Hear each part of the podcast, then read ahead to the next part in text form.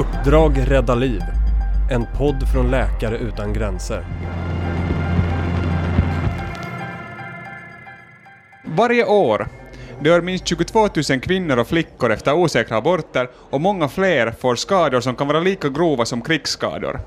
Idag så är det den internationella dagen för säkra aborter och vi ska tala bland annat om varför det är så viktigt med säkra aborter, men också hur man når ut till dem som behöver hjälpen mest.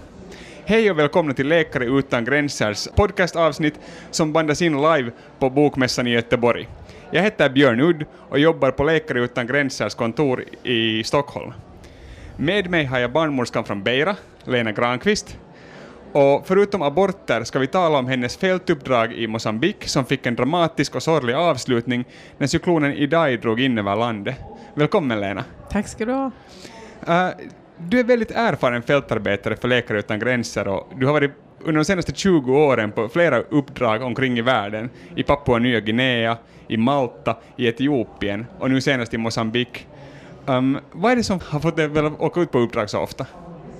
Ja, alltså det är ju ett helt fantastiskt liv som ger mig så mycket. Att få en distans till livet här hemma. Eh, att få uppleva, få vara väldigt nära människor, olika kulturer. Att känna mig nyttig, att känna mig jordad. Eh, ja, och som ja. barnmorska så får du säkert också dela på både så glada och sorgliga stunder med en massa mm. människor. Och ett av de tunga uppdragen måste ju vara att, att genomföra aborter, tänker jag. Så varför är det så viktigt att erbjuda säkra aborter åt de som vill ha det? Ja. Um, det är ju, visst kan man tycka att det är en sorglig uppgift att man på något sätt kanske dödar liv om man nu tänker så. Men jag, ser det, jag har sett verkligen en sida där kvinnor och unga flickor kan vara fruktansvärt desperata i den här situationen. Att en graviditet kan göra en stor förändring i deras liv till det sämre. Och där de känner att de vill gå i skolan, de vill utbilda sig och där en graviditet står i hinder för detta. Så att det kan, en, en fri abort och en säker abort ger ju kvinnor rätt att kunna välja sina liv, välja när de ska ha, bilda familj. Och den, det skänker mig en otroligt stor tillfredsställelse att kunna hjälpa dem med det. Precis, den här desperationen liksom mm. efter en, mm. istället för att aborter inte är tillgängliga, så um, ska, gör ju att kanske ungefär en tredjedel av alla aborter i världen genomförs på ett osäkert sätt. Och man beräknar att varje år så dör ungefär 22 000 kvinnor och flickor mm. på grund av osäkra aborter och många fler äh, får väldigt hårda skador. Så hurdana skador är det vi ser efter osäkra aborter? Mm. Ja, det är ju det, det, man ser att kvinnor är så otroligt målmedvetna i sina beslut. Det, det kan innebära sådana fruktansvärda konsekvenser att fullfölja en graviditet och att bli mamma. Eh, att de tar ju till precis vad som helst och det är ju med livet eh, som insats många gånger där de kan känna att de Eh, Eh, de tar saken i egna händer, de eh, går till ett apotek och köper vilka typer av mediciner som helst. Man kan även föra in vassa föremål upp i slidan för att få igång en vaginal blödning och få ut sin graviditet. Precis. Um, när människor kommer in med sådana här skador, hur, hur behandlar vi dem? Ja, det, om de går att behandla då, för en del kommer inte, hinner inte in om man bor på landsbygden och man har långt att komma in till en sjukvård så kanske man inte hinner in. Eh, men annars är det ju om de har infektioner, det kan ju lätt bli infektioner av, av det här och långa blödningar. Eh, så behandlar man det med antibiotika, de får eh, mediciner, det kan vara kirurgiska ingrepp som behövs också. Mm. Och Läkare utan gränser, till exempel förra året, vårdade 23 000 kvinnor som hade komplikationer kopplade till osäkra aborter. Då. Mm. Men um, ditt senaste uppdrag var ju i hamnstaden Beira på Mosambiks kust. Och du arbetade som barnmorska och din, man, och din man var där som projektchef. Och Mosambik är ju ett av de få länderna var abort är lagligt i Afrika. Så varför är Läkare utan gränser där och jobbar med sexuell och reproduktiv hälsa? Mm. Det är ju precis som du sa otroligt unikt för den afrikanska kontinenten att man tillåter abort. Eh, det är en utav tre länder i hela Afrika som har legaliserat säker abort. Men det här hände för bara några år sedan. Jag tror det är nästan, ja men det är nog fem år sedan nu som, som lagen blev till. Och det är fortfarande väldigt okänt. Både bland vårdpersonal som ska jobba med det här och inte minst kvinnorna som ska ha rätt att få det här.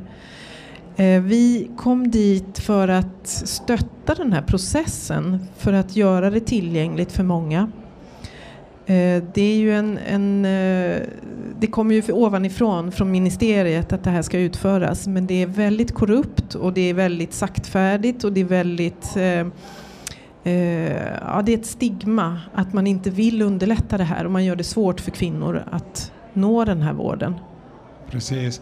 Um, och hur är det liksom, om det nyligen har blivit lagligt, vet människor ens om att det är lagligt eller hur fungerar det? jag, jag upplevde en väldig okunskap bland vanliga kvinnor eh, ovanliga kvinnor också för den delen. Det var det, även barnmorskor kunde vara eh, oinsatta i den här eh, tjänsten som de skulle bistå med. Att vårdcentraler och sjukvårdsinrättningar inte ombesörjer det här. Mm. Hur jobbar Läkare utan gränser då för att skapa den här vetskapen om att det är lagligt och att, om, och att, om, att man kan få de här liksom, aborterna? Just det. det vi jobbar väldigt eh, synkront med den befintliga vården. Det gäller att haka på det som redan finns, att inte starta någon egen parallell vårdlinje. Utan eh, vi jobbade mycket med att eh, sprida informationen att det här finns och att det är gratis och att det är en rättighet. Att kvinnor själv får bestämma. Ehm, och vi stöttar de lokala ställena med att kunna utföra det här. Både med utbildning för de lokala barnmorskorna och för personalen som kommer i kontakt med det här. Mm. Det här då när du var där i Mosambik, så hur, hur såg en vanlig dag på jobbet ut? En vanlig dag på jobbet, det finns ingen sån, tack och lov. För den är, den, man vaknar upp och man vet aldrig vad som ska hända. Men jag jobbade ju med fem otroligt karismatiska, duktiga barnmorskor, lokala barnmorskor. Där jag kunde handplocka fyra av dem. En fanns redan i projektet men vi skulle utöka. Eh, vi jobbade nära med kvinnor, eh, sexarbetare bland annat, men även generellt kvinnor.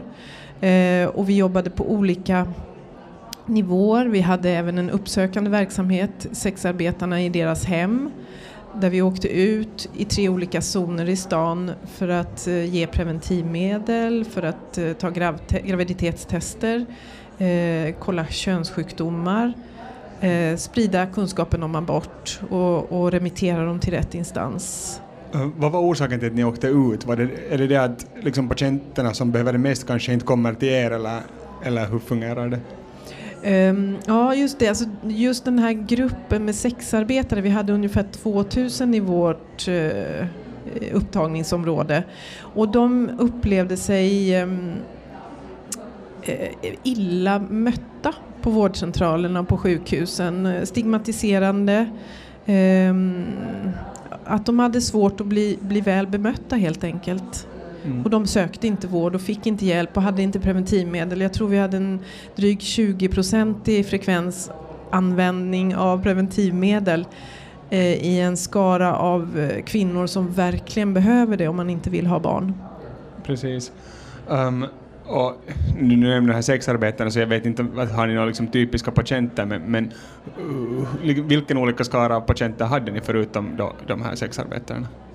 Då är det precis vilken kvinna som helst. För vi arbetade också, jag pratade om det här med verksamheten där vi åker ut i byarna, ut i omkringliggande stadsdelar kring stan. Men också att vi var på en eh, hälsocentral och där kommer alla alla kvinnor som bor i området och även långt ifrån när de upptäckte att det var en av de få fungerande ställen där man kunde få en säker abort gratis så kom kvinnor flera timmar ifrån landsbygden in för att söka hjälp. Mm. Har du någon patient från den här tiden som du kommer speciellt bra ihåg? Ja, det, det, finns många kvinnor som sitter på näthinnan som jag minns och som jag tänker på många gånger. Eh, jag har ju en kvinna som, som är, alltså hon, jag tar ofta och pratar om henne för hon, hon representerar ett, ett fall som jag tror dessvärre inte är så ovanligt i, i eh, kulturer som inte har det så lätt. Och hon hade vuxit upp utan föräldrar. Och föräldrarna hade nog eh, dött av HIV. Eh, och hon hade själv fått ta hand om sina syskon. Hon var äldst i en syskonskara på många barn. Och hon hade fått ta ansvaret att, att eh, ge dem mat och att ombesörja att de växte och att de överlevde. Och det är ett ganska tungt ansvar för en, för en litet barn, ett ungt barn. Ehm, och hon tog, enda sättet för henne att kunna överleva i det var att hon behövde ha en inkomst och hon kunde inte läsa, hon kunde inte skriva. Så hon eh, började sexarbeta och fick pengar. Eh, inte mycket pengar men det räckte precis så att de överlevde eh, och hade mat för dagen. Och den här kvinnan hon hade nu blivit 26 år och hon hade eh, tagit hand om sina syskon och nu tog hand om sina barn. Och hon hade olika pappor till de här barnen. Hon hade blivit gravid tidigare eh, men då hade hon försökt på egen hand att göra en abort och det hade slutat fruktansvärt eh, eländigt där hon hade fått en stor blödning och hamnat på sjukhus och, och legat på sjukhus i några veckor för att, för att klara livhanken. Hur hade hon försökt göra den här aborten? Hon hade tagit tabletter som hade gjort att hon hade fått en okontrollerad vaginal blödning. Mm. Och, och, den blev så kraftig och hon skämdes också väldigt mycket att söka vård så hon låg hemma och blev nog, som jag förstod det på hennes berättelse, medvetslös och barnen hade hittat henne och det var en fruktansvärt traumatisk upplevelse för alla mm. i familjen. Eh, och nu hade hon blivit gravid igen. Eh, hon, träffar ju, hon har ju sex med många män varje dag och, och risken för både smitta och, och, graviditet är ju överhängande. Um, och då hade hon blivit gravid och när vi träffade henne så pratade vi mycket om det här och, och förklarade hur en abort går tillväga när det är under kontrollerade former. Uh, och då är det ju i stort sett fem tabletter det handlar om. Och det, men det krävs en noggrann information och en vetskap hur man ska ta dem Uh, och att man har um, alltså symptom som man ska vara uppmärksam på när man behöver sjukvård. Men man, ja precis, jag tänkte just på det att det är så säkert med den här säkra abort att det är ju säkrare än att, än att få en, eh, en antibiotikainjektion eller dra ut en tand är farligare än att, än att göra en säker abort. Precis. Men den här kvinnan hon, hon var så traumatiserad och så rädd så att hon vågade faktiskt inte göra den här aborten. Mm. Så hon valde att fullfölja den här graviditeten. Men hur möter man sådana fall som, är, som skulle kanske vilja göra abort men, men inte vågar på grund av sådana här mm. trauman? Vad kan man göra? Informera. Det är att, att prata, eh, berätta, eh, visa. Vi har ett, ett enkel eh, bok som vi visar med bilder hur det går till och vad som händer i kroppen och vad man ska vara uppmärksam på och att vi finns som en backup, att man har någonstans att ringa, någonstans att komma om det inte känns bra. Mm. När du talar om henne och de här andra sexarbetarna som, har, um, som ofta har oskyddat sex, varför har de oskyddat sex då? Ja, jag tror en del okunskap eh, ligger nog i det. Eh, och sen så kan jag också se att männen väljer själva hur de vill ha sitt sex och de betalar för det. Kvinnorna har inte så mycket att säga till om. Sexarbetarna eh, upp, har en fruktansvärd vardag. Mm. Eh, där de, det är mycket hot och våld. Uh, och, och, även att de kan visa att de inte vill ha sex med kondom och då lägger de en kniv och så uh, vet de precis hur det ska gå till. Ja, precis. Uh, hur är det då när man jobbar med så här stigmatiserat ämne på ett sådant här område, hur liksom mot, kan man motverka den här stigman alls? Eller vad kan man göra för den? Mm, det kan man säkert, alltså, men det är långtidsarbete. Och jag tänker, jag drar ibland, känner den där parallellen till hur vi hade det här i Sverige på 70-talet när vi legaliserade säker abort, Eh, mitten på 70-talet. Och, och de demonstrationer och dödande av eh, ofödda barn och, och hur kvinnor upplevde den här skamkänslan och skulden att ta livet av, av liv. Eh, och det är ju precis samma sak som vi upplever där och det tar tid. Det kommer att ta tid men det är en sakta och långsam process men den går i rätt riktning. Ja. Um, hur är det i ert dagliga arbete? Vilka liksom, problem stötte ni på? Vad, vad, vad var svårt? Vad var svårt? ja, det, det som... Eh, alltså det, det är på något sätt som lämnar mig tror jag i de här när jag reser och kan summera de här 20 åren av fantastiska och, och våldsamma och berättelser så är det nog att eh, kunskap och utbildning är så enormt viktig. Att den, den kan jag se förändra liv. Att kunna läsa och skriva, att kunna ta ställning, att kunna tänka själv. Hur, om, man skulle, om jag skulle ha dig här, så skulle jag, eller jag skulle inte kunna ha dig här utan att tala om den här cyklonen mm. Idai som, som inverkar på arbetet där i, i Mosambik. Och det var ju i mars när den här cyklonen drog in över Beira och du hade några veckor kvar av ditt arbete. Uh, ni visste på förhand att den här cyklonen var på väg, men hur förbereder man sig på någonting sånt? Nej, det kan man inte. Det kan man överhuvudtaget inte. Och jag tänker även på människorna som bodde där, som har upplevt den. Uh, upplevt tidigare cykloner och de uh, hade hört att det här skulle komma in och vi såg styrkor och vi såg prognoser men ingen utbildad kunde riktigt förutsäga vad det här skulle leda till. Eh, så vi var riktigt dåligt förberedda men eh, vi tog beslutet i sista minuten att vi skulle evakueras från Beira för där, det är ju havsnära och där kan stormvågor slå in och, och vi hade barn i teamet också som vi värnade stort om. Eh, men människorna där var otroligt dåligt förberedda.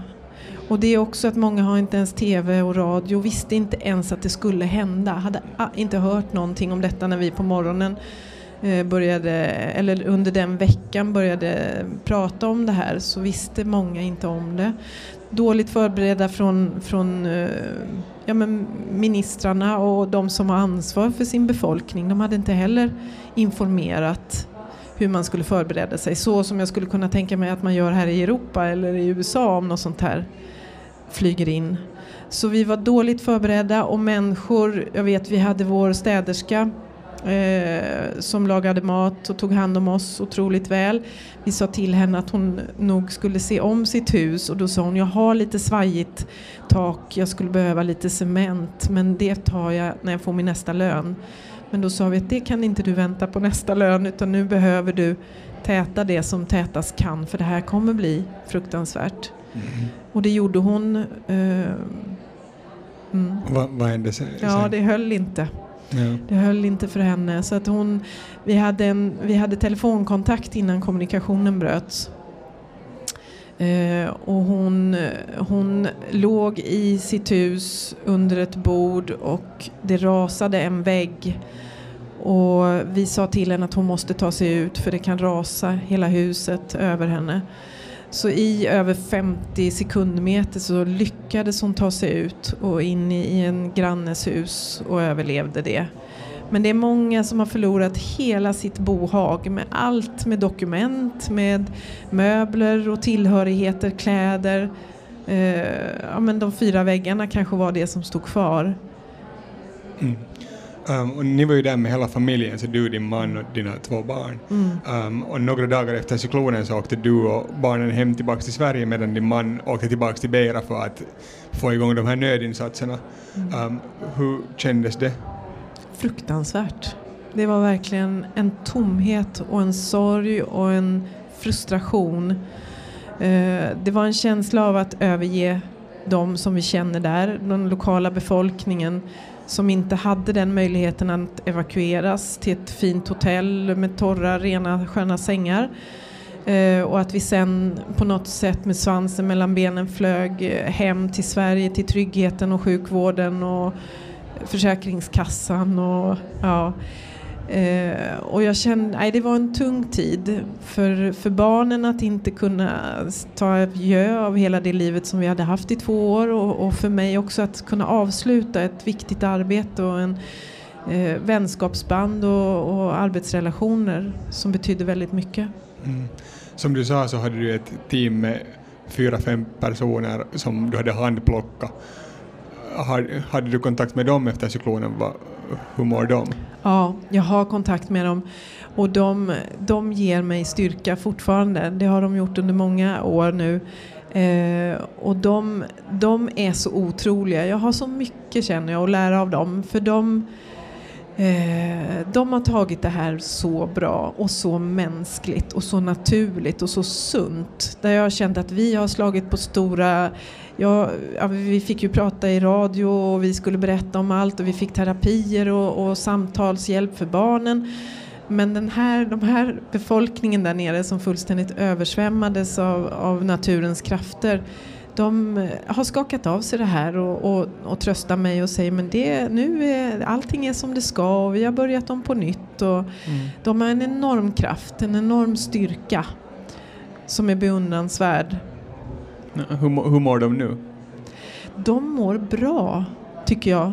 De mår bra. Jag pratade senast på Skype med, med en kollega och de fortsätter att arbeta eh, med oförsämrad kraft och styrka. De har en enorm eh, ja, potential. Det är fantastiskt att höra. Mm. Det här, Läkare utan gränser hade ju varit där fem år i Beira innan den här cyklonen drog in. Hur inverkar den på vårt arbete? Ja, men tillfälligt så slogs ju allt ut. Eh, det måste jag tro. Um, och min man var ju tillbaks och det omvandlades ju hela projektet med de hundra lokalt anställda uh, till en uh, akut, uh, ett akut projekt. Det var nog tre olika projekt, eller MSF um, ehm, projekt som påbörjades i olika delar av stan. Och då stod allting lite stilla med den vanliga vården som vi hade bedrivit och byggt upp både på sjukhus och hälsocentraler och, eh, och daglig verksamhet. Men nu är det tillbaks och nu är den nischat lite mer och under den här tiden med, efter cyklonen var det ju mycket fokus på att förebygga kolera och, och de här följdsjukdomarna som kan komma i spåret av en naturkatastrof. Hur är det, har du några patienter du tänker på som, eller var patienter just då när cyklonen slog till? Ja, eh, jag vet att cyklonen slog ju till på onsdagen och på torsdagen och på onsdagen vet jag att jag såg min sista patient Eh, och jag sa till henne, för hon ville påbörja en abort och det, det, då tänkte vi sådär, kommer vi hinna komma tillbaks och fullfölja den här aborten för henne? Ja, tänkte jag, vi, tar, vi kommer tillbaka Så fort det har blåst över så kommer vi tillbaka. Så jag startade upp henne och det var en kvinna, en ung, alltså hon var nog en, en tonåring var hon som kom med sin, med sin äldre syster. Och de hade många andra syskon och de hade stort ansvar kring hela familjen. Eh, det där klassiska som vi pratade om. Och, och där tänker jag, undra hur det gick för henne. Om hon för de hade ett väldigt skrangligt boende med korrigerad plåt och jag vet inte om det stod kvar efter den där stormen och om hon kom tillbaks någon gång och fick fullfölja sin abort. Så henne funderar jag på ibland. Vad händer sen medicinskt om man inte fullföljer sin abort eller hur går ja, det här till? Tar man bara en tablett så brukar det inte, då blir det ingen abort utan man behöver de här fort, eh, de, en full, en behandling med flera tabletter. Mm. Um, sen när ni är ute på uppdrag som sagt så är ni ju med hela familjen. Um, hur fungerar det här? Oh, det har fungerat alldeles utmärkt. Ju mindre barnen var desto enklare var det. Eh, nu har barnen blivit större och det är internationella skolor. Eh, vi har vår son som har bytt skolor nio gånger under sitt liv. Han är 11 år snart. Eh, han har, eh, ja, han har, de har upplevt väldigt mycket och jag, jag känner att det en, har varit ett fantastiskt liv för oss. Nu gör vi en paus hemma i Sverige och eh, det är svenska skolor och svenskt arbetsliv som gäller. Men man känner att hjärtat och, och drömmen den är där ute. Det finns så mycket fantastiskt att göra. Ja, vad gör du nu när du är här i Sverige? Nu jobbar jag på Sahlgrenska sjukhuset som barnmorska på reproduktionsmedicin som en helt ny eh, annan värld. Där hjälper vi till eh, par som inte kan få barn, Mm. eh, bland annat, att bli gravida. Det här, och hur är det med familjen? Hur trivs barnen i Sverige? Ja, men jag tycker de verkar ha det väldigt bra. Det spelas fotboll och dansas dans och det är kompisar och man behöver inte byta skola nu varje år. Det uppskattar de. Hej, tack Lena för det här. Um, det här var alltså ett liveavsnitt av Läkare utan gränsers podcast Uppdrag rädda liv och du hittar flera avsnitt på Soundcloud, iTunes, Spotify, Acast och på andra ställen där poddar finns. Tack för att du har lyssnat.